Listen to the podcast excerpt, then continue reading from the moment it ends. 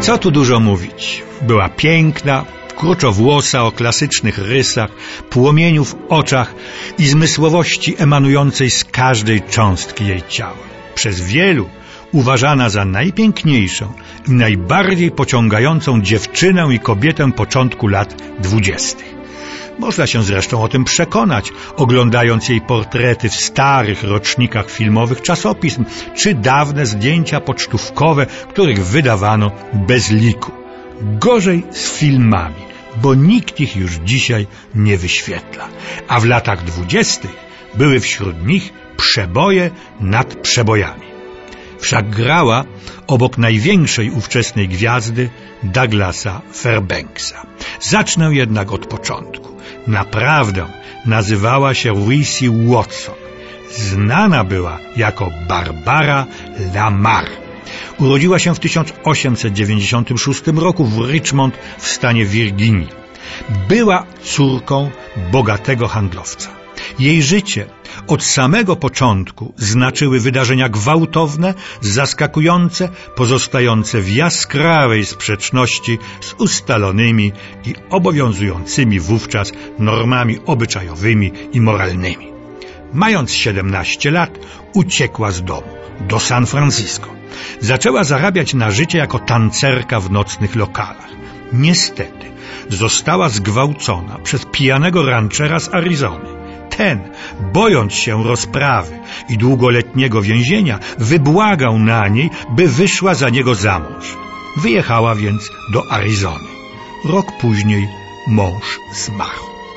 Barbara Lamar wróciła do Kalifornii i zaczęła występować w kabaretach Los Angeles. Poznała pewnego, podobno bardzo przystojnego prawnika. Pobrali się. Ów prawnik pojmował prawo trochę inaczej niż powinien, skoro nazajutrz po ślubie został aresztowany i skazany na cztery lata więzienia za bigamię. Zresztą wkrótce zmarł on w więzieniu po operacji wyrostka robaczkowego. Barbara Lamar wychodzi po raz trzeci za mąż, za starszego od niej o 30 lat baletmistrza. Barbara nadal tańczyła w nocnych klubach z jednym z partnerów nawiązała romans. Mąż, kiedy się o tym dowiedział, natychmiast wystąpił o rozwód, który otrzymał. A Barbara wyszła za mąż już po raz czwarty na przestrzeni zaledwie kilku lat za swojego partnera, Bena Dili. Wymieniam to nazwisko, bo później występowała nieraz jako Barbara Dili lub Barbara Lamar Dili. Niestety, ów mąż Dili nie okazał się dżentelmenem, wręcz przeciwnie, był brutalem i awanturnikiem. Po dwóch tygodniach Barbara uciekła od niego. Co więcej, postanowiła zmienić zawód zajęła się dziennikarstwem. Na krótko, bo odkryła w sobie talent scenariopisarski, prawdziwy. Sprzedała sześć scenariuszy dużym wytwórniom. Wszystkie zostały zrealizowane. W pewnym momencie spróbowała aktorstwa. Między innymi zagrała razem ze wspomnianym gwiazdorem numer jeden Douglasem Fairbanksem. Film nosił tytuł Ekscentryczny jegomość. Fairbanksowi spodobała się jej uroda i aktorstwo. Widać miała wrodzony talent. Wystąpili razem w głośnej adaptacji dumasowskich Trzech Muszkieterów. On jako D'Artagnan, ona jako Lady de Winter. Od tej pory była gwiazdą pierwszej wielkości. Podziwianą, hołubioną, świetnie opłacaną. Kreowała najczęściej wampy egzotyczne, równie tajemnicze, co niszczycielskie. Barbara Lamar nie mogła oczywiście nie wyjść za mąż. Lista kolejnych jej mężów jest dosyć długa.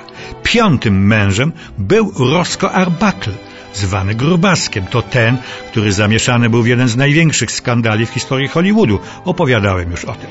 Szybko jednak się z nim rozwiodła i wyszła za mąż po raz szósty za zawodowego boksera Jacka Doherty'ego. Ale i ten wybór nie okazał się najszczęśliwszy. Więc kolejny rozwód i kolejne małżeństwo. Tym razem z bogatym przemysłowcem Benem Finejem. I tu na krótko trafiła kosa na kamień. Barbara Lamar nie miała bowiem rozwodu z małżonkiem numer cztery, Dilim. Teraz jej groziło więzienie za bigamię. W trakcie przygotowania obrony nagle Dilly zmarł, więc nic nie stało na przeszkodzie, by mogła zawrzeć siódme małżeństwo. Nie była jednak zbyt wierna. Na szczęście mąż patrzył przez palce na romanse i przygody swej pięknej i pełnej temperamentu żony.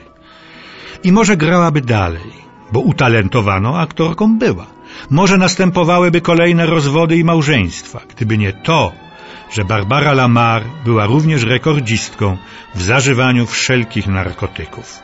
Opium, heroiny, morfiny, kokainy, haszyszu itd. Tak Pewnego razu przedawkowała.